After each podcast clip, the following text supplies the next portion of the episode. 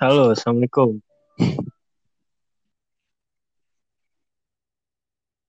Halo, Waalaikumsalam tuh kan bisa ya? Kok aku nggak Ya udah bisa gue buka dulu deh. Buka dulu, buka dulu. Iya, balik lagi sama gue mau di mana ya? Di podcast kali ini. Nah, buat hari ini gue akan nge-podcast lagi-lagi sama seorang wanita. Nama episode 5 wanita satu pria dan ini yang ketujuh nih. Eh, ini episode 7 dan lagi-lagi wanita. Nggak ngerti kenapa. Iya, kali ini gue bersama seorang yang luar biasa menurut gue. Dan pastinya menurut orang banyak juga luar biasa sih orang-orang yang kenal dia. Cukup terkenal di masa kampusnya. Seneng traveling, sekarang lagi nulis. Kemarin puisinya jebol lomba-lombaan di Instagram. Ya. Selamat datang Ibu, boleh perkenalan diri Bu. Aduh, lebih banget nih, nih perkenalannya. Iya, harus.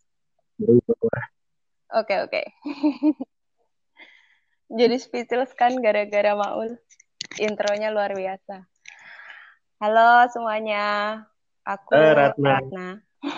Gak mau Kaku pasan banget aja. Gak usah pedulin. Kita mau gak usah pedulin orang ngomong apa. Yang penting kita bikin masuk. Oke. Oh iya. Ya, itu aja. Iya. Jadi Udah Bu kan? Tadi sekarang kan udah buka. lagi ngapain nih sibuknya nih zaman zamannya pandemi yang seolah sih makin lama makin membaik sih mudah-mudahan. Karena nggak ada aktivitas di luar, ya udah berarti mengoptimalkan apa pun yang bisa dikerjakan. di Misalnya dalam apa sekarang lagi sibuk Gitu. ngapain? Tulisan, boleh share tulisannya. Jerman dan rasa itu pernah padam. Aku suka baca. Oh beneran? Paris Enggak doang lah, nih aku tuh senang baca cuman males komen. Iya. Tapi aku yang senang kata-kata untuk Hmm. ayah yang Padahal komen- Oh iya iya iya. Padahal komen itu Nih, sangat tapi ceritanya udah loh. bagus sebenarnya. Malah bingung mau komen bagian mana. Terlalu kalau menurutku ya, menurutku gini menurutku ya. Aku Masa? juga sedang dan amatir juga. Gimana? Tapi menurutku tuh ceritanya ya apa ya dibangun walaupun gini, lu ngegambarin Jerman nih, ya kan? Gue nggak tahu pernah ke Jerman enggak. Yoi. Kayaknya pernah pernah ya ke Jerman ya. Heeh. Belum. Tapi lu ngegambarin Jermannya bagus, seolah-olah tuh bener-bener menarik. Gue lagi, oh gue lagi di Jerman nih dengan dengan kondisi kondisi yang bisa lo gambarkan dan membuat gue masuk ke dalam ceritanya. Itu keren sih gue. Mm. Mau tahu nggak cerita awal gimana aku bisa bikin eh, apa ya? Bisa nekat Boleh, bikin cerita itu. Asik.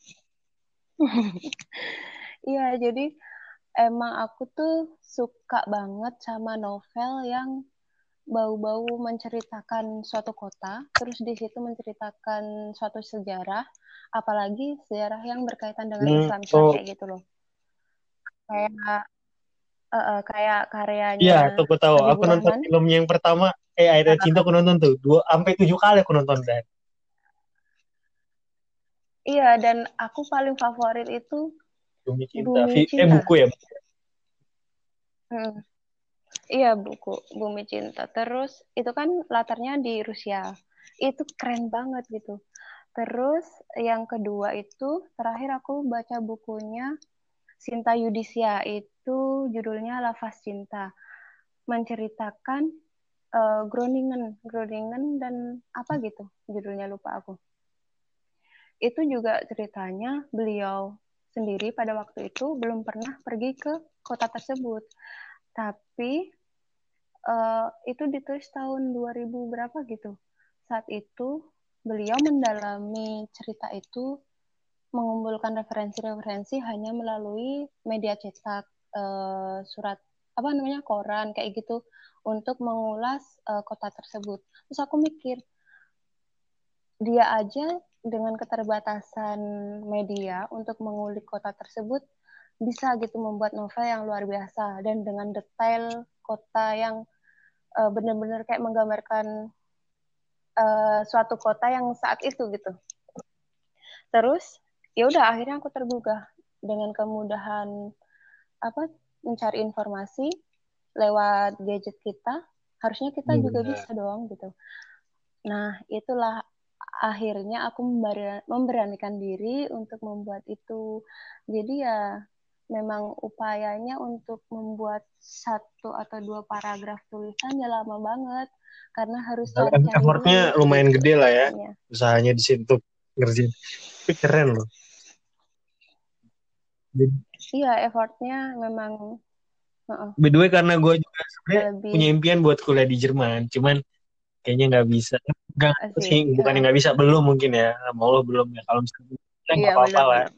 tuh lebih kayak Mhm. bersyukur bahwa hari ini gue masih bisa hidup aja udah dikasih rezeki yang lain. Iya, benar-benar. Harus tetap bersyukur bagaimanapun keadaannya ya. Benar. Nah, ter- gue tertarik dengan cerita lo yang ngebahas tentang Bina sih. Azura Bilbina ya? Iya Mm-mm. sih. Gue Iya. tertarik. Lu ini kan Apal banget ya? lu ini kan seneng traveling. Kita tuh kenalan gara-gara punya kesamaan yang sama kan. Suka traveling kan. Iya, iya. Cuman sialnya kita belum pernah traveling bareng bareng-barengan. Iya, Maul sok-sokan sih nggak mau Apaan? Eh sekali pernah tau di Malang kan kita ketemu waktu di Sempu. Oh iya, tapi itu nggak sengaja kan? Iya, Emang luar biasa. Alam menyatukan kita sih. itu lu sama ini kan sama Be sama Bella ya? Iya, sama Bella sama Widuri. Oh iya Maduri juga. Eh, sebenarnya waktu itu tuh aku sama teman-teman tuh nggak diizinin tahu untuk nyebrang ke pulau Hmm. itu karena kuota udah Terus penuh. kok bisa dapat izin? Cuman ketika ditanya identitas, aku ngeluarin KTM IPB. Sama berarti. Nah, sama juga. kebetulan kebetulan kan kalian udah duluan nih. Apalagi anak-anak pautan kan ngomongnya. Hutan semua, iya benar. Terus bapaknya, oh anak pautan gitu. Terus ya udah aku iya iya aja. Iya pak temenku. Aku bilang gitu aja. Eh nggak taunya kamu yang ini. Iya, itu tuh kayak kecelakaan banget. Tadi itu karena gini, waktu gua datang ke Sempu itu ada rombongan di sebelum gua udah datang, tapi nggak bisa berangkat. Hmm. Terus kita datang bawa ini PDL, baju anak-anak pautan. Duduk lah Mm-mm. di situ. Terus diajak ngobrol, dikasih ini kawasannya begini, begini. Padahal mah kita nggak ngapa-ngapain, mau liburan doang. Emang bejat banget kita. Mm-mm. Karena kita mau magang di ini, di Bromo. Bromo Tengger Semeru, TNBTS. 2000 berapa itu ya? 2014, 2015 ya? 2015 aku ingat banget setelah itu aku ini vakum jalan-jalan gitu eh, beberapa bulan gitu Apa tuh? karena suatu hal Sudah diizinin Bapak. Bukan. Sempet sakit yang aku benar-benar nggak bisa gerak.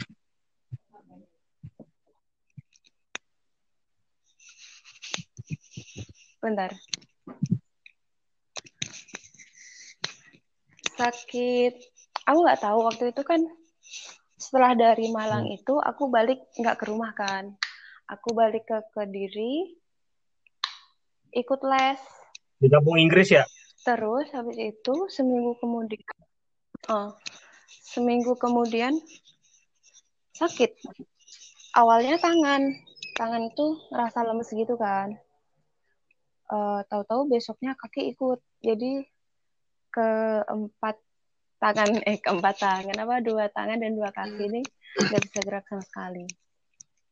Di situ kan lagi puncak-puncaknya aku seneng banget jalan kan sampai eh, udah lumayan frustasi lah sampai bilang ke temenku yang sering nanjak bareng gitu aku bilang udahlah semua alat Mau ambil pensiun aja, itu ceritanya? nggak perlu ini gitu mau pensiun ceritanya terus temanku bilang gini enggak lah pasti sembuh nanti Iya, bisa buktinya lagi sembuh. gitu Sekarang kakinya makin panjang. benar iya alhamdulillah tiga bulan tahu itu terus belum sembuh banget aku nekat ke Kayak Papandayan masih agak ringan lah ya. dulu. Iya, makanya aku milih Papandayan karena buat uji coba ceritanya beneran udah kuat apa belum gitu. Karena gimana sih ketika lu uh, dilihat teman-teman lu sering sering jalan, sering pergi gitulah, terus menjadi yang terlemah gitu loh. Mereka mereka bukan ngejek ya apa ya? Jadi ngolok-ngolok ya, lah ya. Oh masa Ratna yang suka naik gunung tiba-tiba berhenti gitu ya? Oh, oh. Tidak mungkin. Iya, iya, itu juga sedikit, sedikit menohok, tapi bisa jadi motivasi hmm. juga. Jadi biar cepat sembuh gitu kan. Terus ya udah aku temenku, pokoknya setelah terapi ini selesai, uh, ajak ngajak gitu. Biar aku juga penasaran apakah aku udah kuat belum gitu. Eh, gue juga sedikit share aja. Gue dulu tuh nggak dikasih sama bapak gue ke mana-mana bahkan naik naik gunung pertama ya, enggak karena tuh dulu ya? gini cerita gue tuh udah lama di Jakarta tinggal terus daerah kan gue dulu kalau Bogor tuh udah sering lah alasan gue mau ke Bogor itu karena pertama kecilnya gue sering hmm. ke Bogor terus gue obsesi sama Gunung Salak. Obsesi oh, gue gitu. aduh gue pengen naik Gunung Salak. Padahal banyak gunung-gunung tinggi kan? Tapi gue nggak punya obsesi sama gunung lain. Dari kelas dan hmm. kebetulan dari kelas 6 SD tuh hmm. eh dari kelas 3 sorry. Bapak tuh udah pindah-pindah ke mana-mana terus gue sempat tinggal di daerah remote area tuh hutan bener hutan di daerah Riau. Terus tercetus oh, iya. lah mimpi gue gue pernah tulis kalau gue pengen keliling hutan Indonesia. Itu kenapa? gue bingung kenapa gue tiba-tiba masuk ke hutan dulu. Pas gue bongkar-bongkar lagi buku-buku lama gue tuh pengen ya gue bongkar aja kan terus pengen gue rapiin. Tuh catatan keluar.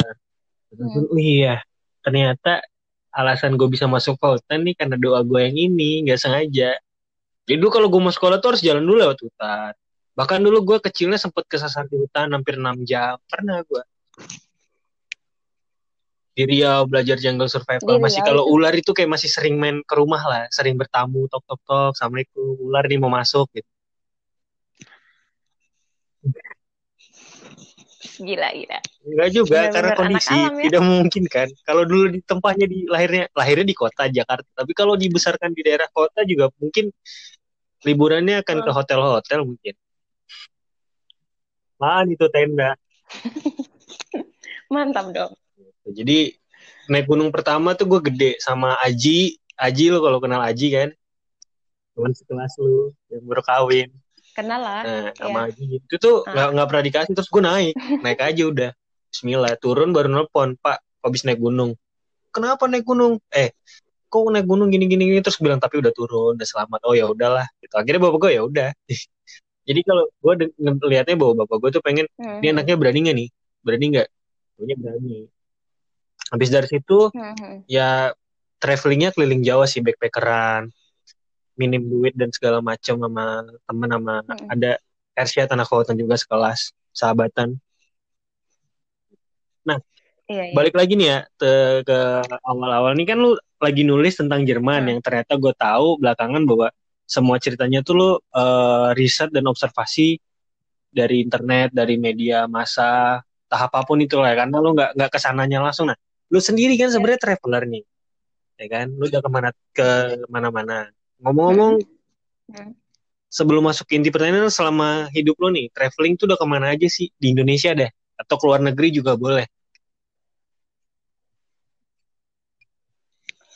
Oke, sebenarnya kalau untuk menyebut traveler itu oh, apa dong? Pelancong, ya. pelancong ya. aja lah ya, pelancong. Iya, gitu lah pokoknya ya. Kalau untuk Indonesia, yang belum deh, yang ya? belum. Kalau gue pulau uh, besar tinggal dua, pulau besar ya. Oh, tinggal oh, Sulawesi sama Papua. Kalau tur hmm. tur tur yang full full satu pulau besar tuh Sumatera sama Jawa gue udah ke beberapa tempat udah dari Aceh, Padang, hmm. Palembang, Lampung. Hmm. Yang belum itu Bangka Belitung sama Bengkulu Sumatera. Nah, jadi hmm. uh, jadi gini ceritanya. Aku tuh waktu hmm? eh dari zaman SMA terus dikuatkan lagi pada zaman kuliah aku tuh nulis hmm. keinginan gitu targetan gitu aku nulis uh, umur dua maksimal waktu itu ya targetnya 25 menikah. Terus sebelum menikah harus sudah bisa keliling Indonesia gitu.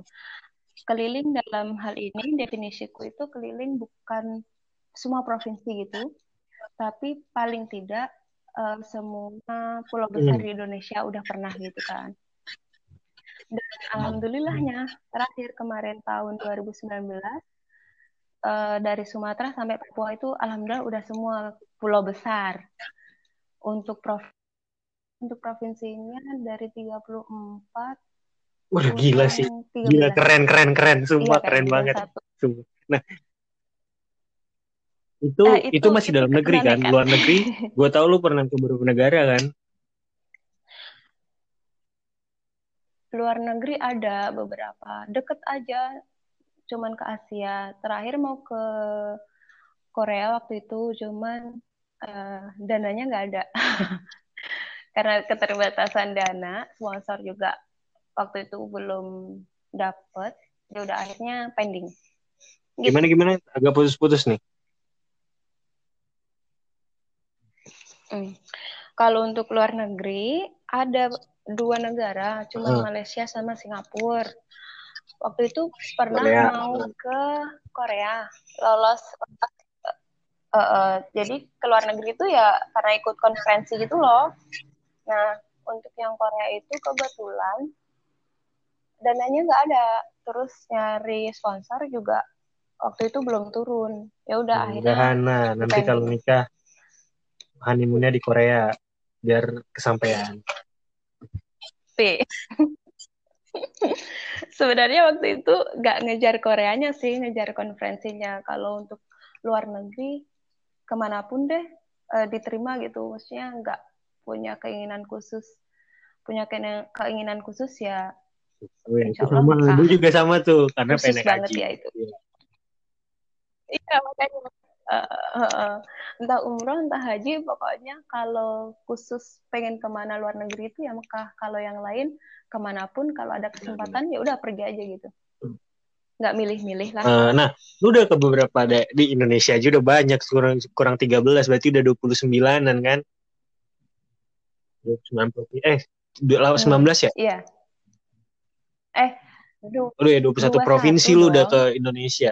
Ditambah lo udah ke Singapura Malaysia. Ya. kenapa lo nggak ya, bikin cerita tentang tempat-tempat? Karena begini gue berpikir bahwa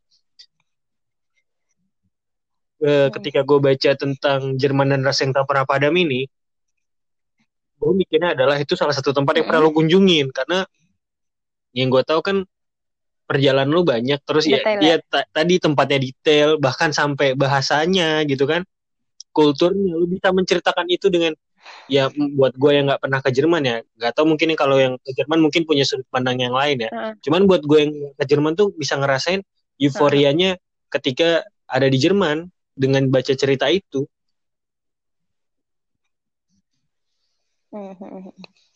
Syukurlah kalau misalnya memang pembaca mikirnya kayak gitu. Memang itu tujuannya. Tujuan dari nulis itu salah satunya ya memberi informasi kepada teman-teman yang mungkin belum bisa merasakan secara langsung dengan membaca dia ada wawasan kayak gitu. Kalau lebih detail lagi di situ tuh aku menyelipkan tentang beberapa hal yang sederhana aja sebenarnya misalnya kayak jenis mobil yang dari Jerman apa kayak gitu. Kan aku tulis juga. Kalau mobil Jerman kan. terkenal lah BMW. Uh, Eh, tapi tapi jangan salah, perempuan tuh kadang uh, yang seperti itu tuh nggak ngeh tahu teman-teman yang perempuan. Jadi ketika baca itu ada yang ngasih uh, review gitulah. Pokoknya intinya, ih baca baca ceritamu banyak banyak informasi loh ya informasi baru yang didapat gitu. Uh, gimana ya? Bukan aku mem membaik-baikkan yang aku tulis, tapi memang ada yang mereview seperti itu. Jadi memang tujuannya yang ngasih informasi ke teman-teman yang Padahal sebenarnya ya kalau gue pikir-pikir gitu. padahal sebenarnya informasi yang kayak gitu-gitu bisa lo dapat sendiri ya. Karena memang kayaknya lo aja balas baca akhirnya menurut melewat lewat dari hmm. tulisan lo ini membuat mereka kira selain menikmati novel ya Iya. untuk menghibur diri mereka juga dapat nambah wawasan kan? Iya. Nah, itu tapi itu keren sih sumpah. Karena tadi lu belum jawab nih? Kenapa nggak daerah-daerah yang udah perlu kunjungin Oh iya. Hmm, sebenarnya kalau eh, untuk keliling Indonesia itu udah membuat rangkanya. Bahkan judul tiap babnya tuh udah ada. Udah aku buat dari tahun lalu setelah pulang dari Papua itu aku langsung buat kan masih anget-angetnya tuh kan. Tapi salahnya itulah kenapa sebenarnya sebagai penulis, aku bukan penulis sih, tapi ya udahlah. Sebagai penulis itu kesalahan fatal itu adalah meninggalkan tulisan yang belum jadi. Nah, Sehingga aku jadi kayak kehilangan itu, ini ya moodnya ya kayak gitu. Iya, jadi eh apa namanya? Sekarang kan udah sekian eh satu tahun berlalu kan. Jadi kayak apa ya? Effort untuk mengulik lagi kemarin ngapain ya? Di sana tuh ada kejadian apa aja ya? Kemarin tuh jadi berat. paham paham. Karena sekarang Paham nggak ditambah lagi lu udah punya tulisan baru kan. Tapi ya semoga kerangka yang udah jadi itu bisa dikembangkan lah suatu saat nanti setelah yang project yang novel karena ik sama Eh, sih. Gue sependapat selesai. sama lu sih kayaknya memang salah ketika karena gini gue dulu zamannya Hmm. SMA ya SMA tuh kuliah mulai dari SMA sampai kuliah semester Hmm. 2 apa tuh gue udah nulis tuh nulis cerpen tapi masih zaman zaman anak SMA gimana sih Hmm. cinta-cintaan gak jelas kan kerangkanya udah ada semuanya udah udah udah di kepala nih terus akhirnya gue tinggalin lah karena tadi gue punya kebahagiaan Hmm. lain lah maksudnya gue lagi sering traveling terus lagi mencintai apa iya iya hal-hal tentang uh, jurusan gue juga, kuliah gue juga, gitu kan. Memandang Indonesia dengan sudut pandang yang lain, ternyata luas banget, gitu kan. Akhirnya nggak keurus, iya akhirnya iya benar gue sekarang juga bikin bikin sih, cuman masih nggak sekeren dan sebanyak lu, cuman ya, semoga Allah jadi salah satu proyek terbaik gue, karena jujur aja salah satu alasan gue menulis tuh selain karena sekarang lagi bosen, bosen sama, udah kayaknya capek banget nih gue ke mana-mana ya. Ya udah jenuh aja, jenuh ke mana udah pergi gue tuh Hmm. di tempat-tempat kayak pantai gue udah beberapa pantai, hutan udah. Jadi kalau gue tuh punya targetan gini, gue harus naik ke gunung, terus hutan dataran rendah, terus hutan pantai sampai pantai sampai tengah laut. Jadi gue udah udah udah jalanin semuanya lah. Walaupun nggak semua daerah, tapi menurut gue ah, itu Hmm. udah udah memenuhi hasrat gue untuk iyalah gitu. Impian gue dari SD itu udah udah sedikit kecapai lah, walaupun tidak seluruh Indonesia, tapi seenggaknya udah ya begitu sudah terpenuhi. Paling Yang paling berkes, berkesan gua sih paling berkesan di mana ya? Hampir seluruhnya sih. Karena setiap di mana tempat gue datang tuh selalu ada pelajaran bahkan gini. Temen gue, temen gue nih Ersyad sampai dia bilang, gini gila sih, gue Gue tuh jalan sama lu baru kali ini gue setiap jalan eh, apa mendapatkan pelajaran hidup. Kayak semisal gue ambil contoh, ambil contoh pe- pertama banget gue Mesa tuh berangkat ke Madiun. Hmm. Itu lu bayangin tiba-tiba kita bisa Hmm. nginep di asrama pan enggak nih panti asrama Rumah gitu. warga. Dia isinya orang-orang Oh, yang penyandang disabilitas. Gue sih nggak pernah bilang disabilitas sih, orang-orang yang istimewa sih. iya, Dan iya. itu lu bayangin di situ gue belajar ya. Gila sih itu. gue anak kampus bisa? terus kayak kuliah tuh males apa masih males terus ketika gue ngeliat mereka euforia mereka effort mereka buat belajar buat belajar bahkan ada satu kasus yang membuat gue sama Erset akhirnya tertegun lalu, lalu diam kita ceritanya ada ada ada apa namanya ada namanya Yuda Yuda nih Hmm. pada waktu itu umurnya sama gue tuan dia tiga tahun Hmm. nah terus gue nih masih gue nih kuliahan terus dia masih SMA singkat cerita gini gue datang nih anak-anak pada ngumpul kan kita ngobrol berbagi bahkan sampai gue belajar eh, bahasa Sibi yang untuk eh, tunarungu. Hmm. gitu kan? Gue belajar terus eh, apa namanya dia nggak mau ketemu sama kita nggak tahu ada kita tuh menghindar. Kayak kayak membenci gitu loh. Sampai satu masa ditanya sama gurunya gurunya bilang kamu kenapa nggak mau deket-deket sama kakak ini? Kakak-kakak ini ada salah apa? Sebenarnya bukan kakak-kakak ya mungkin karena kondisi secara uh, akademisnya Hmm. mereka lebih rendah gurunya bilang ke gua sama Erset ini kakak-kakak padahal enggak dia bilang gini saya tuh malu saya Iya. tuh malu umurnya sudah tua pakai bahasa Sibil lah diterjemahkannya gitu. Terjemahkannya gini saya tuh malu saya tuh udah tua tapi masih masih SMA mereka udah kuliah Hmm. gini. Uh langsung gue diem gue asli sama Erset gue diem. Anjir gue kuliah tuh malesnya naujubillahimin jalik dah. Ampun ampun dah gitu kan. Makanya orang sekarang WFH gue tuh impian gue apa apa sekolah dari rumah impian gue tuh dari dulu. Udahlah sekolah di kosan aja gitu nggak usah ngapa-ngapain gitu nilai keluar gitu kan. Enggak enggak gue nggak ngedoain itu. jelek banget dong gue enggak dong. enggak jadi pada ya. waktu itu kayak berpikirnya kayak gitulah jadi kuliah tuh cuman bukan ngedoain bukan ngedoain kondisinya tapi ngedoain apa ya I- iya sih. belajar enggak enggak juga. tapi gitu gimana ya? Tapi gini gini gini. Gue gue tuh abis dari situ tertegun kita kayak pas pulang tuh langsung bilang ketika kita lagi malas tuh gue langsung gini aduh gila. Gue karena suka cerita ke Erset kan gila nih Sat. Kalau gue males gue malu sama Yuda gue malu sama ini gue malu sama eh, siapa? Beberapa orang sana. Bahkan terakhir tuh lebaran tahun lalu gue masih sempet ke sana masih banyak anak-anak lama yang kenal sama gue sampai ada satu anak tuh yang dia ini dia namanya eh bukan dia otaknya biasa cuman disabilitas aja nggak bisa jalan. Pakai kursi roda namanya Firda. Firda ini sering Hmm. ngobrol sama gue terus menceritakan impiannya terus yang gue bisa lakukan pada saat itu adalah memotivasi dia eh lu bisa gini-gini. Sampai sekarang tuh kalau nggak salah dia sudah kuliah kalau nggak salah. Udah kuliah terus sering telepon. Di beberapa daerah juga ada dulu sempat di Kalimantan PKL di tengah hutan gitu ada yang ngobrol. Dia cerita ke gue anaknya kak saya tuh pengen kuliah kak sebenarnya cuman orang tua saya nggak ngasih. Pada masa itu kan uang kuliah nggak mahal terus ya lo tahu dengan kampus kita yang eh, apa namanya memang kampus rakyat lah ya. Nah, terus ya gue motivasi gue ngobrol sama orang tuanya. Begini eh sekarang dia udah kuliah eh kemarin terakhir tuh pas dia lulus di UNS orang tuanya nelpon gue makasih ya mas gini-gini dapat beasiswa lagi. Alhamdulillah. Jadi apa ya gue tuh seneng kehidupan yang begitunya sebenarnya. Traveling itu buat gue yang senengnya adalah ketika gue belajar tentang manusianya. Buat gue pelajaran Nah, jadi itu itu sedikit cerita tentang Iya, gue kita benar. akan bahas lagi ke lu nih. Nanti kalau cerita tentang gue jadi lu yang wawancara gue kan gue ini yang wawancara lu.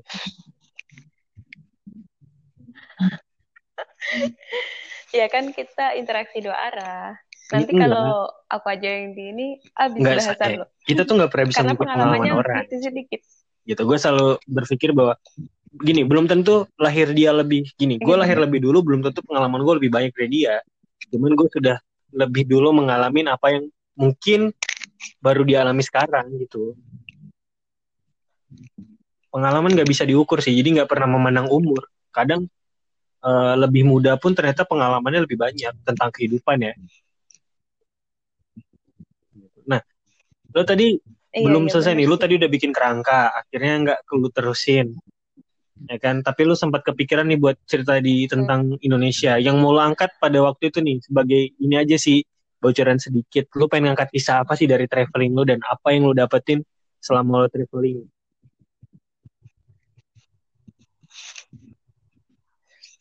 Oke.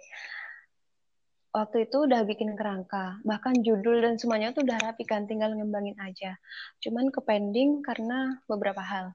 Terus waktu itu sebenarnya memang sempat maju mundur untuk membuat cerita. Karena seperti kita tahu, Iya udah benar banyak banget kan buku tentang traveling-traveling kayak gitu. Heeh. Terus ya udah aku mikir eh, gimana ya caranya membuat cerita perjalanan tapi berbeda gitu. Nggak seperti kebanyakan yang sudah banyak dibukukan.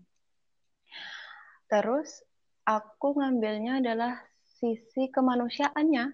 Seperti yang kamu bilang tadi, memang kita itu belajar banyak banget dari perjalanan ketika ketemu orang pelajaran hidup dan banyak hal lah pokoknya. Terus sama sisi uh, dibilangnya apa ya? sisi religi ya pokoknya kita mengambil mengambil uh, uh, kukaitkan sama uh, ya religi gitulah intinya kayak gitu. Memang aku belum belum berani melangkah ke tulisan yang macam-macam sih. Pengennya ya apa yang aku tulis itu adalah sesuatu yang baik. Karena ya kita tahu kan apa pun yang kita lakukan itu akan diberi pertanggungjawaban. Kalau aku nulisnya hal yang aneh-aneh takut nanti gimana pertanggungjawaban. Jadi ya sebisa mungkin membuat tulisan yang seenggaknya bisa mengingatkan semua orang kepada Tuhannya. Itu kan iya, keren keren. Ya, tapi Karena gini, memang itu mungkin, sih. Uh, lu lu tuh sama gue tuh mungkin sama lah. Ya. Zamannya sekarang tuh orang kenal Firsa Besari sebagai traveler traveler vlog traveler gitu kan di zamannya gue tuh zaman gue udah ngelakuin itu mm. lu juga sudah ngelakuin itu cuman kalau di gue tuh bedanya adalah gue tidak suka untuk merekam dan ini buat gue pelajaran terbaik ketika gue liburan tuh nih gue nikmatin sendiri sebagai kenangan di kepala gue terlepas orang percaya atau enggak kan gitu. Mm. nah terus tiba-tiba lu tadi gue kita nih lu udah bahas bahwa ini konseptualnya tentang religi lah ya. lebih ke arah apa yang lu alami dan lu lewati ya jadi tulisan lo sudut pandang lu mm terus akhirnya lo iya. sekarang nulis tentang Jerman dan rasa yang tak pernah padam. Gitu. Uh, apa ya? Apa sih yang sebenarnya sudut pandang lo sebagai seorang wanita ya? Melihat seorang wanita yang traveler karena gini keliling Indonesia hmm. dilakukan oleh wanita kayak sesuatu yang ya mungkin udah banyak sih yang ngalamin ya udah banyak. Cuman menurut gua nggak nggak se hmm nggak apa ya nggak sering sih nggak banyak malah nggak banyak yang bisa kita tahu bahwa wanita tuh traveling ke mana-mana karena wanita kan konotasinya apalagi lo sebagai orang Jawa kan konotasinya tuh lemah lembut di rumah aja gitu kan Tiba-tiba lu break the rule nih anjir gue pengen jalan-jalan dah Iya. Apa sih yang ada di dalam kepala lu pada saat itu gitu. Memutuskan gue pengen traveling. Terlepas lu udah punya impian nih. Pasti ada motivasi lain dong Gak mungkin impian itu terbangun tiba-tiba, ya kan?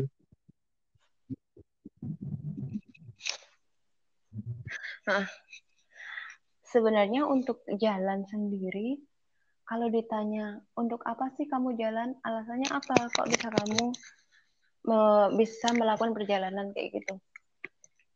Aku tuh nggak punya alasan, jujur, aku nggak punya alasan, nggak tahu. Mungkin karena suka aja, jadi kan ada yang bilang kalau suka itu ya kita nggak butuh alasan gitu. Ya udah itu yang aku lakukan. Aku nggak punya alasan kenapa aku bisa jalan. Tapi kalau ditanya e, kamu dapat apa dari jalan itu aku bisa jawab. Nah mungkin mungkin ya. Karena banyak uh, pelajaran yang aku dapat ini edik lah jadinya kayak ketagihan ketagihan ketagihan gitu loh. Jadi Uh -uh, jadi sebenarnya bukan ketagihan apanya ya jalannya, tapi ketagihan hmm, apa okay. yang ku dapat setelah jalan. Ya, gue gue gue nangkap. Jadi lu lebih kayak, suka. oh iya gue jalan tapi setelah, jadi itu setiap perjalanan yang lu lakukan ngebentuk diri lu setelahnya kan. Apa pelajaran bisa lu dapat dari kebudayaan, dari cara berpikir, memandang kehidupan, gitu-gitu kali ya. Ya, benar. Menurut gue sih lu keren. Terus terus gimana? Ada lagi yang mau lo share nih iya. sebelum gue lanjut ke pertanyaan selanjutnya nih.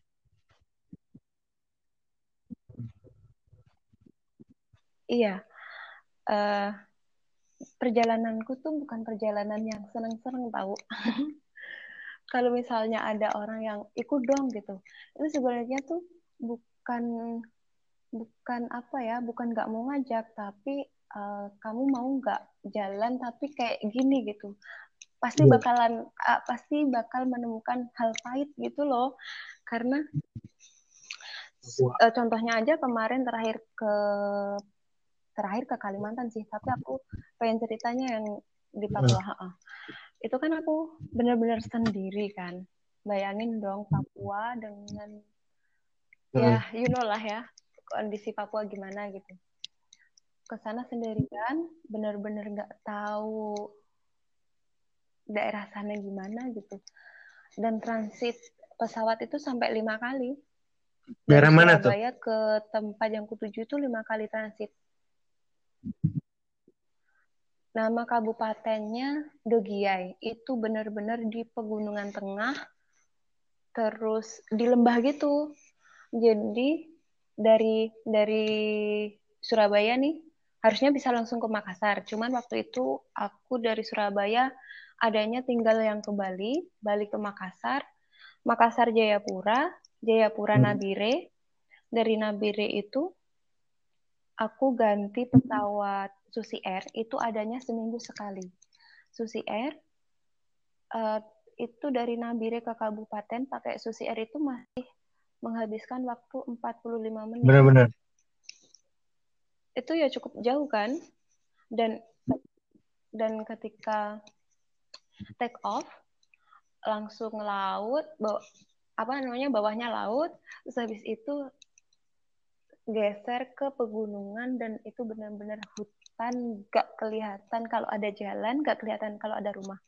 Terus yang aku pikirkan di dalam pesawat itu kan pesawatnya kan tahu tuh bisa gua, nengok tahu gue tahu tahu gitu loh, gambar kayak, lah kan bisa cari di internet masa nggak tahu? uh, uh, iya benar-benar iya iya pinter. Yang benar-benar sama pilot itu ya bisa ngobrol gitu kan.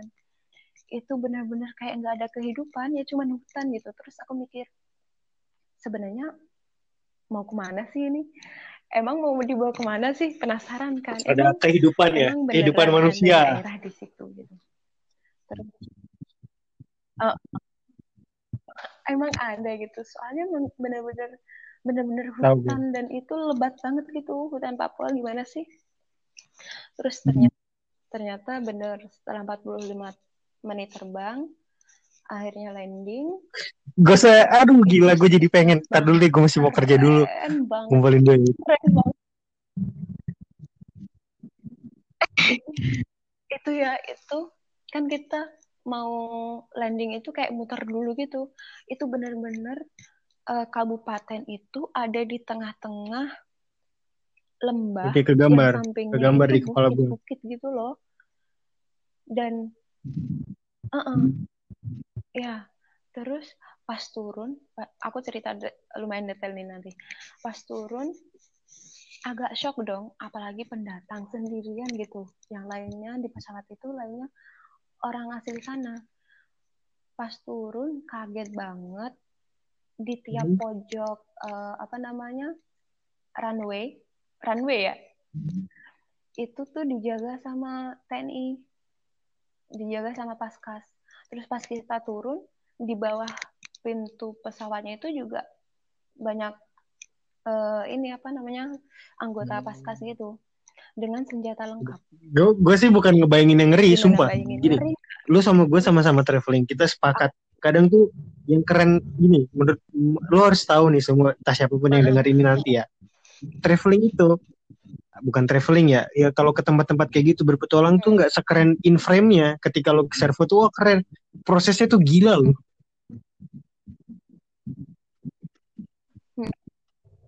gila banget. Ya sumpah aku tuh iya bener gitu. Gila gila. Ada masa kita gambling sebenarnya. Karena gue juga pernah ada di tahap ini gue jalan nih yang gue pikirin gue pernah di satu kondisi ya. Kondisi karena kerja atau magang atau apa gitu kan. Terus uh. jalan.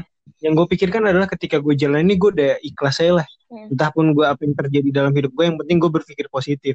Karena di kondisi kayak gitu tuh hmm, hmm, hmm. mungkin kita di tahap yang ya udahlah tapi paling nggak ada kepuasan gue di sana terus niat gue baik apalagi kalau misalnya niatnya buat tetap ada menyusup masuk-masuk yang uh, faktor-faktor religinya gitu kan bahkan dari situ tuh kadang nggak jarang kalau gue pribadi nggak jarang malah lebih deket sama Allah. Benar nggak? Benar, nah. benar.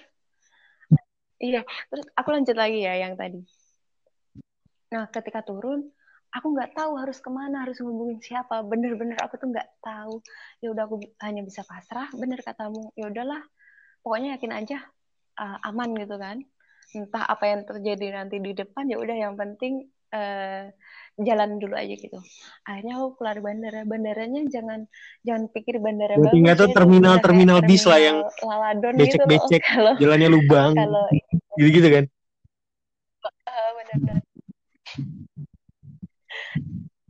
Terus aku keluar keluar area bandara. Ada warung kecil di situ. Udah aku duduk terus pasti ditanya-tanya kan karena wajah kan pasti beda terus ditanya-tanya dari mana? Aku bilang dari Jawa. Sebanyak lah banyak ngobrol. Akhirnya sama abangnya tuh dikasih minuman. Ternyata abangnya tuh juga bukan transmigran lah ya. asli tapi pendatang dari Manado. Akhirnya uh -uh. itu kan dia warung kecil gitu kan. Akhirnya aku ambil teh kotak sama waktu itu apa biskuit gitu loh tahu nggak pas aku ngasih uang sama hmm. sama abangnya tuh sumpah enggak, sumpah lu sama gue sama banget enggak, sumpah kalau lu mau tau gue lu sama gue sama banget sama banget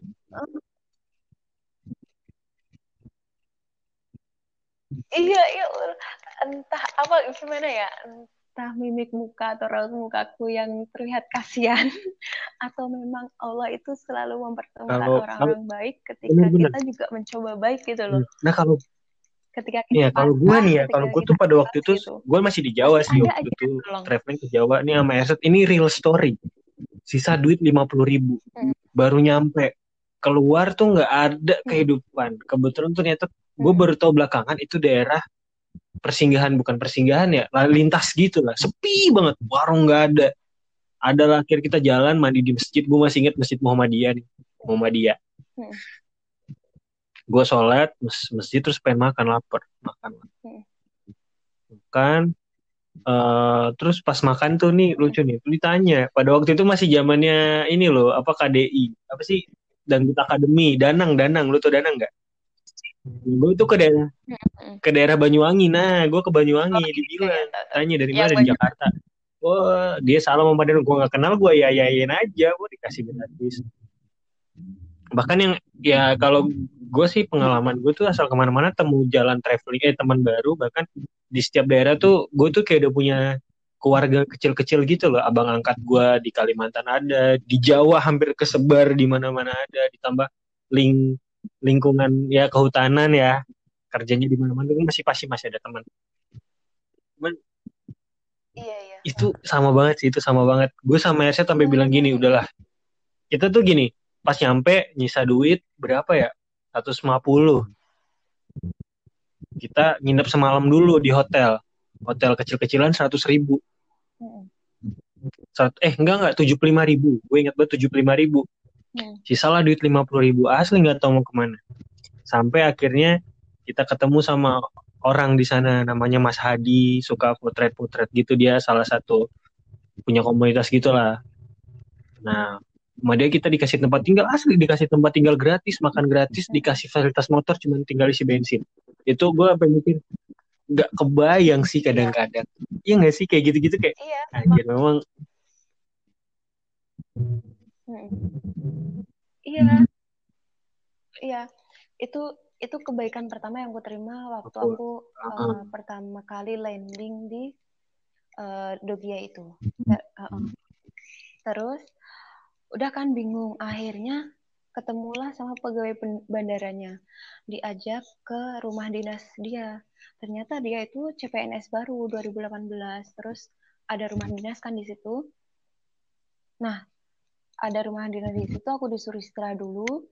Dan tahu nggak itu tuh bener-bener dibelikan makan dibelikan minum. Padahal tuh ya ya nggak usah nggak usah segitunya tuh aku udah seneng gitu kan dikasih tempat istirahat gitu tapi tuh dia kayak welcome banget padahal kenal aja enggak gitu itu kebaikan kedua terus kebaikan ketiga ternyata oh. samping yeah, rumah yeah. dinasnya itu mes paskas yang tadi jaga di bandara itu itu jadi apa ya namanya keluarga sampai aku kan tiga minggu di situ jadi keluarga sampai aku balik ke Jawa pun masih saling teleponan gitu loh dan uh, Papua seluas itu bisa dong aku menemukan alumni SMA aku yang juga jadi uh, I know it. I know it. Gue tau banget. Rasanya tuh kayak ketemu saudara gitu loh.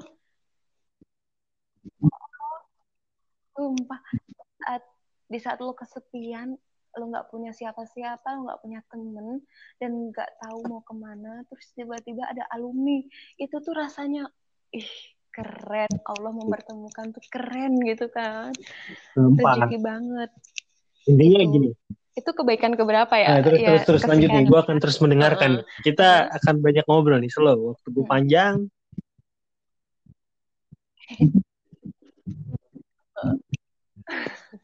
Iya itu terus itu kan laki-laki semua kan? Jadi dari pegawai bandaranya laki-laki mes iya. paskasnya laki-laki gak mungkin dong aku perempuan sendiri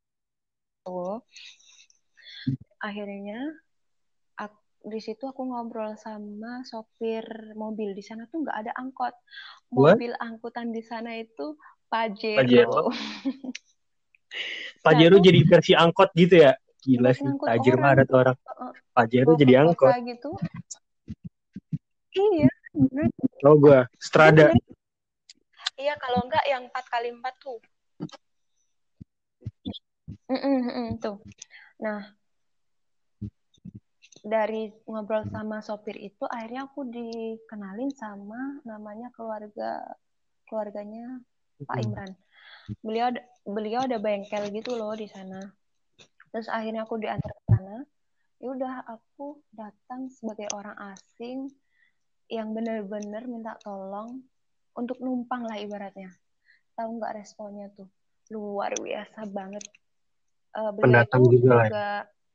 bukan penduduk asli Papua dia aslinya dari uh, pendatang juga cuman udah lama banget di situ dari kabupaten itu belum terbentuk lah Terus Muna, gue punya teman orang Muna. Uh, dia Pelaut dari biasanya. Muna, dari Sulawesi Tenggara.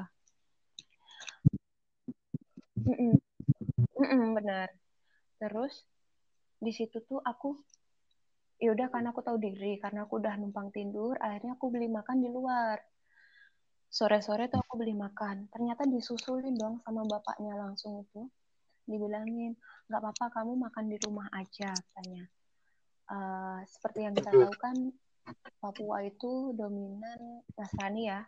Susah cari halal food lah ya. Nah, Oke. Okay. Sana kan masih banyak babi dan lain-lain. Uh, uh, cuman aku sembrono gitu. Terus sama bapaknya itu dijemput, dibilangin kamu makan di rumah aja nggak apa-apa. Anggap aja ini rumah keluargamu. Pokoknya itulah, pokoknya ya udah biasa gitu makan ya makan, mau masak ya silahkan masak gitu ya aku semakin gak enak dong tapi bener-bener aku numpang tapi aku tuh nggak merasa nggak enakan gitu loh karena saking mereka That feels like home lah lu udah ngerasa kayak ini rumah gue juga gitu. Kan. aku datang ke rumah saudaraku sendiri gitu kan iya iya banget bener kayak gitu uh, istrinya juga baik anak-anaknya juga baik dan yang bikin aku speechless lagi dari keluarga itu ternyata hmm. yang datang ke situ tuh untuk numpang itu bukan aku sendiri wow, wow. Okay. Di situ ada anak dari bau-bau. Terus mm terus dulu-dulu juga sering katanya orang-orang Jawa tuh kalau ke situ juga itu dia. Dan masya Allahnya sekali kan mereka Muslim ya minoritas di tengah-tengah mayoritas. Karena uh, jarang sekali tempat untuk ngaji dan anak-anaknya kan harus harus tetap diajarin ngaji dong bagaimanapun caranya. Akhirnya keluarga itu tuh ngedatengin guru ngaji gitu loh langsung dari Jawa ngambil dari pondok pesantren di Jombang untuk dibawa ke Papua cuman untuk ngajarin anak-anaknya di sana. Dan mereka tuh kayak ada programnya gitu. Jadi hari Senin sampai hari sekian ngaji hari Goks. apa sampai apa itu nanti kayak kajian. Buat Pak Imran gitu. semoga sehat selalu ya. Semoga keren sih. Kalau saya ke sana saya bisa ketemu Bapak juga suatu saat bareng sama Ratna. Amin, Kita ya ke sana. Ya, semoga. Amin. Amin. Iya benar-benar. Dan aku tiga bulan eh tiga minggu di sana, bapaknya tuh nggak mau kan aku mau pulang nih pamit itu aku masih dibawain bekal banyak. Sedangkan aku mau ngasih ya aku tahu diri lah ya numpang Hmm. di situ biaya juga nggak nggak murah. Beras mahal apa apa kan mahal ya di sana. Itu tuh itu aku mau ngasih ganti lah ibaratnya. Itu benar-benar gak mau. Benar-benar ya udah kayak gue sih gue juga klien orang Muna. saudara terus gue dulu kerja di Kalimantan kan. pokoknya intinya kayak abang gitu. angkat gue udah kayak keluarga udah kayak orang tua itu orang Muna. Dan itu tuh apa ya sempat gue down masalah ekonomi itu dia bantu parah. Makanya kadang dia kasih duit nggak mau. Jadi kalau gue tuh jadi gue kirim sering kalau gue ada rezeki sih gue kirim barang. Ini baru punya anak juga. Gue nggak tahu mungkin orang Muna gitu semua kali ya. Karena gue juga punya orang Muna hampir sama sih. Hmm. apalagi dulu inget banget gue sempet gue patah hati dulu di sana. Hampir udah nggak punya semangat hidup. Gue dia langsung ayo ngajakin ngaji segala macam. Ya jadi alhamdulillah sih berkah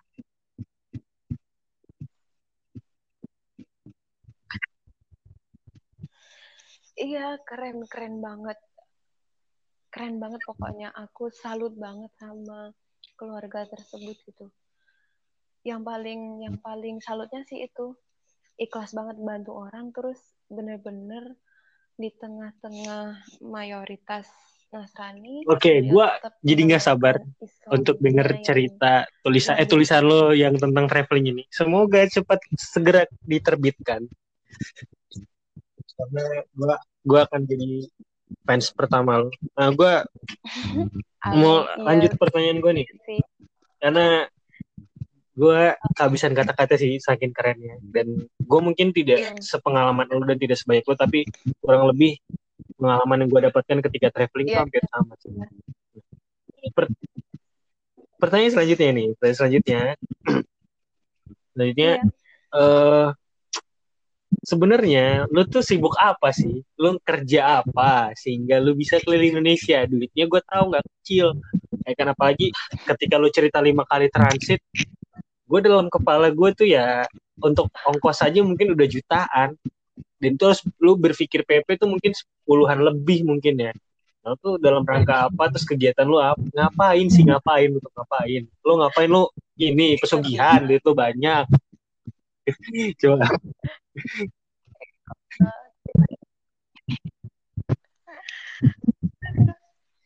Jadi eh, kalau bisa aku tunjukin sekarang nih asik. Eh, waktu itu aku bikin targetan Papua itu ada sampai sekarang tulisannya di halaman terakhir bener kuliahku. Sebenarnya bukan Doge ya tujuan utamaku, tapi Lembah Baliem. Di situ aku tulis Lembah Baliem 2016. Mm-mm. Tercapainya di 2013. Ada tiga tahun waktu berselang kan. Setelah lulus itu ya aku nabung sedikit sedikit sedikit nabung gitu kan. Terus kerja pertama kali kerja kan di instansi pemerintahan, alhamdulillah lumayan. Terus eh, singkat cerita resign kembali ke kampung, gitulah. Terus kerja jadi pendidik, terus memutuskan untuk Papua ya karena karena tinggal itu terakhir yang belum gitu kan dan sementara umurku Pas lah. itu berarti dua Ditutup lah ya 25. iya dua- eh dua lima dua lima dong iya dua pas.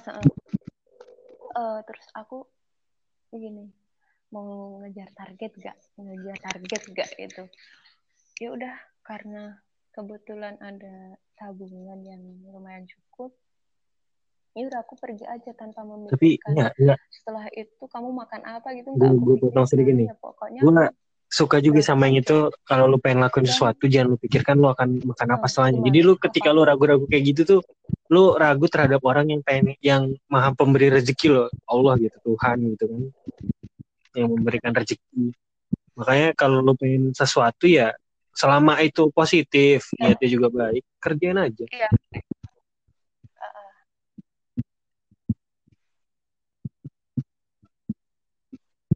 Di tabungan banyak ya.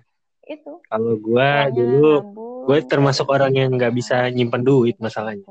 Cuman ketika kayak begitu tuh gue ini Iya. beasiswa hunter kadang jualan kadang ngapain lah. Pokoknya ngapain aja biar ada duit kalau gue tuh sampai orang tua gue kaget. Jadi gue di jatah orang tua tuh nggak banyak lah ya. Itu dan itu tuh pas-pas banget. Bahkan kadang kurang gitu. Iya benar. Buat gue tapi alhamdulillah gue bisa. Gitu kan.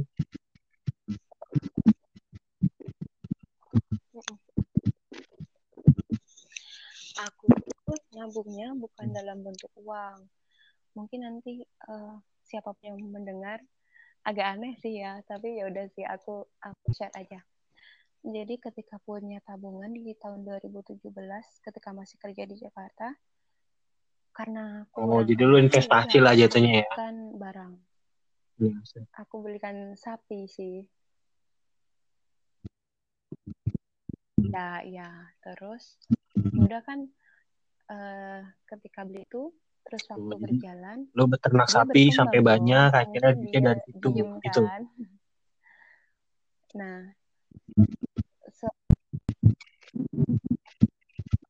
ya aku jual itu tiga ekor. Tapi emang sebenarnya sebenarnya ya bukan lu maksudnya gini lu bikin itu kan memang ada tujuannya dan ketika tujuan itu lu capai ya ya mau nggak mau pasti lo harus lakuin dan lo jual gitu.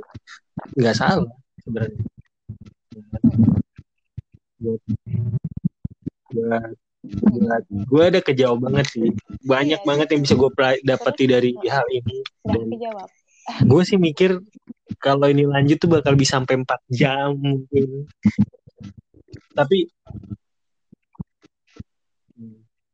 tapi itu itu dia sih. Gue akan oh, ini, tadi gue udah dapat gambar. gue akan simpulin nih. sebagian besar. Atau ada yang ingin lo share lagi nih? Sebelum gue nyimpulin. Dan akan nanti gue tutup sama pertanyaan terakhir gue ke lu.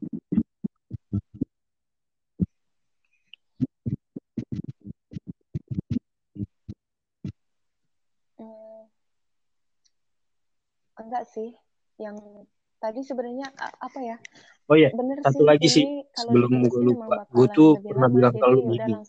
Gue tuh ingat banget, gue tuh tau lu tuh dulu suka gambar ya, gambar baju-baju gitu kan. Gue nggak tahu sekarang masih. Gue masih masih lu jadi salah satu orang yang gue mintai kalau gue nikah nanti oh, lu iya, jadi desainer baju bukan berharap gratis tetap dibayar. Tenang. Tapi ya murah lah enggak deh tetap dibayar. Nanti nego-negonya karena mau nikah mau nikah juga calonnya masih entah eh, entah berang ah, calon sih banyak ya. Calonnya banyak. Calon banyak. Cuman yang jadi jodohnya nggak tahu yang mana. Loh, iya kan? Enggak, wanita tuh ada jutaan di Indonesia. Iya, berarti kamu tinggal pilih aja udah. Ya kan, berarti itu kan jutaan itu jadi calon sebenarnya. Cuman nggak tahu yang mana yang yang klik gitu loh.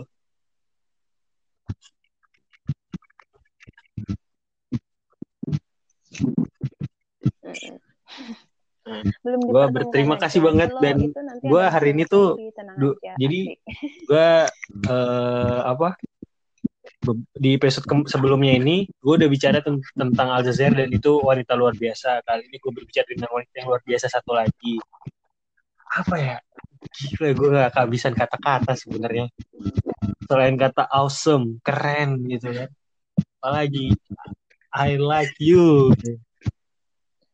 Buat gue gue suka. Jadi gini, satu yang gue minta dari lo, lo pengen ngasih, lo pengen nyampein pesan apa nih?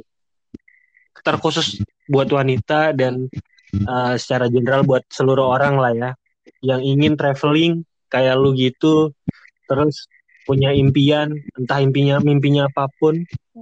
Lu pengen share apa nih? Mau ngasih pesan apa nih buat mereka mereka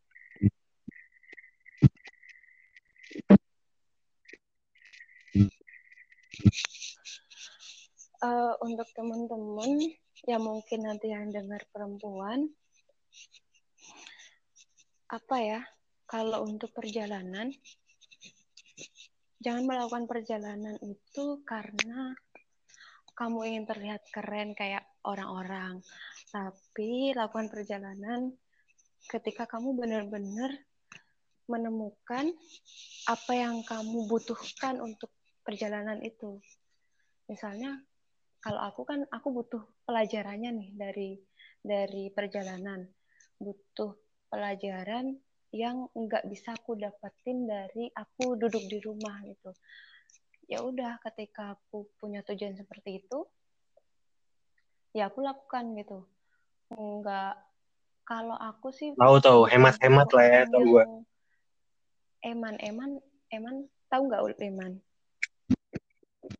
Uh, uh, bukan tipe orang yang sayang gitu sama uang karena aku percaya nah. pengalaman itu lebih bernilai dibanding uang itu sendiri. Karena gitu. jadi ya, lanjut lanjut lanjut. Dan apa nih? Aja. Sebelum tutup nih, gue akan gue nggak tahu apa yang ngomong. Uh,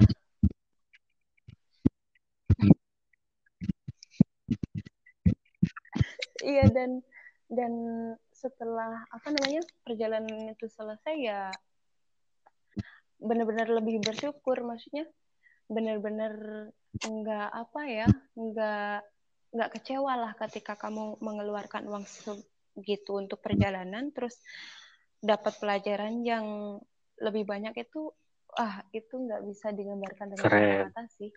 Wasnya itu dapat gitu pelajarannya tuh dapat. Gitu.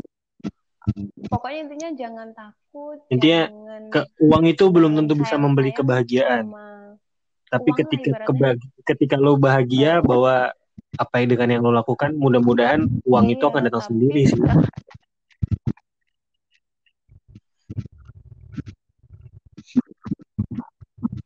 iya iya ya begitulah intinya pokoknya jangan takut-takut untuk mencoba tapi sebelum Bener. mencoba itu uh, kamu harus nah. menemukan nah. dulu apa yang kamu pengen gitu. Jangan nanti setelah jalan malah gambling. Mungkin bukan gambling malah jadi kecewa lah ya. Jadi, jadi bingung mau ngapa, ngapain sih gue gitu. Gak bagus lah untuk. Jadi apa ya? Kalau dari gue sih ya, gue tutup nih gue ngucapin terima kasih dulu sama Ratna yang sudah mau disibukkan dengan hal ini mudah-mudahan berkah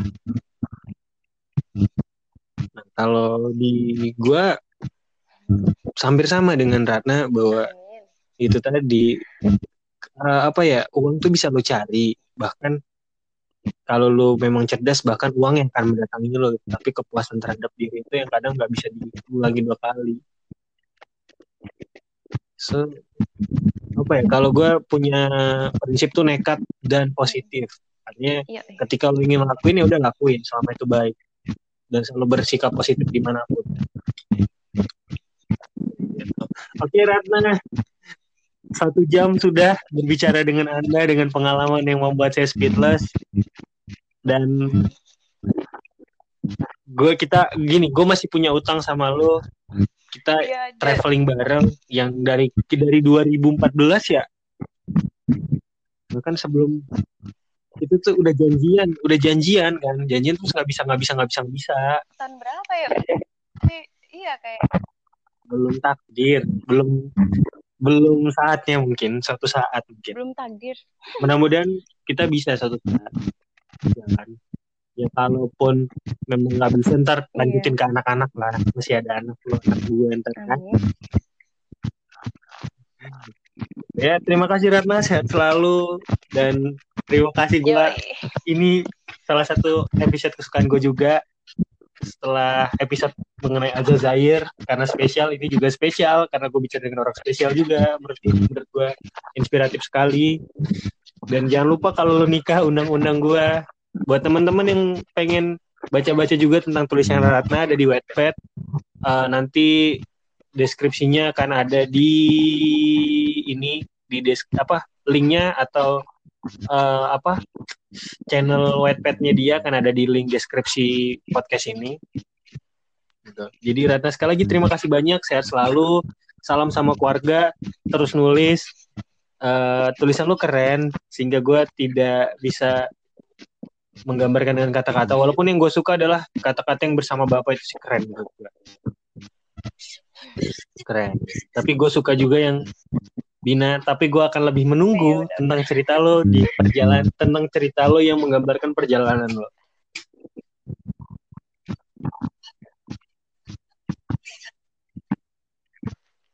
Ya semoga aku juga bisa apa ya meneruskan cerita itu.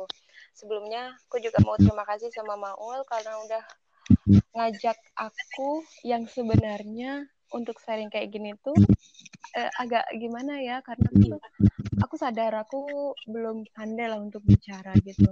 Tapi karena aku mikir lagi ya kalau misalnya belum pandai kenapa nggak dicoba aja gitu kan? Oh ini juga pasti akan menjadi pembelajaran gitu dan nanti akan jadi terbiasa. Ya udah itu sharing tentang apa yang uh, aku alami dan semoga sedikit banyak yeah. ada pelajaran. Oh iya, ini gue gue lupa. Biasanya gue ada disclaimernya bahwa gue tuh bukan orang ahli banget, podcastnya juga nggak bagus-bagus amat. Mohon maaf kalau podcastnya kurang. Di sini gue cuma ngobrol sama teman-teman gue dan gue sharing pengalaman. Bagi lo yang suka, alhamdulillah. Nggak suka ya tidak apa-apa sih, tidak peduli. Selama tidak me membuat orang rugi, buat gue nggak masalah karena gue buat ini suka aja. Udah nih, gue tutup ya. Yo, gue pamit undur diri, gue Ula dan lu. Ya, Sampai jumpa di podcast selanjutnya. Assalamualaikum warahmatullahi wabarakatuh.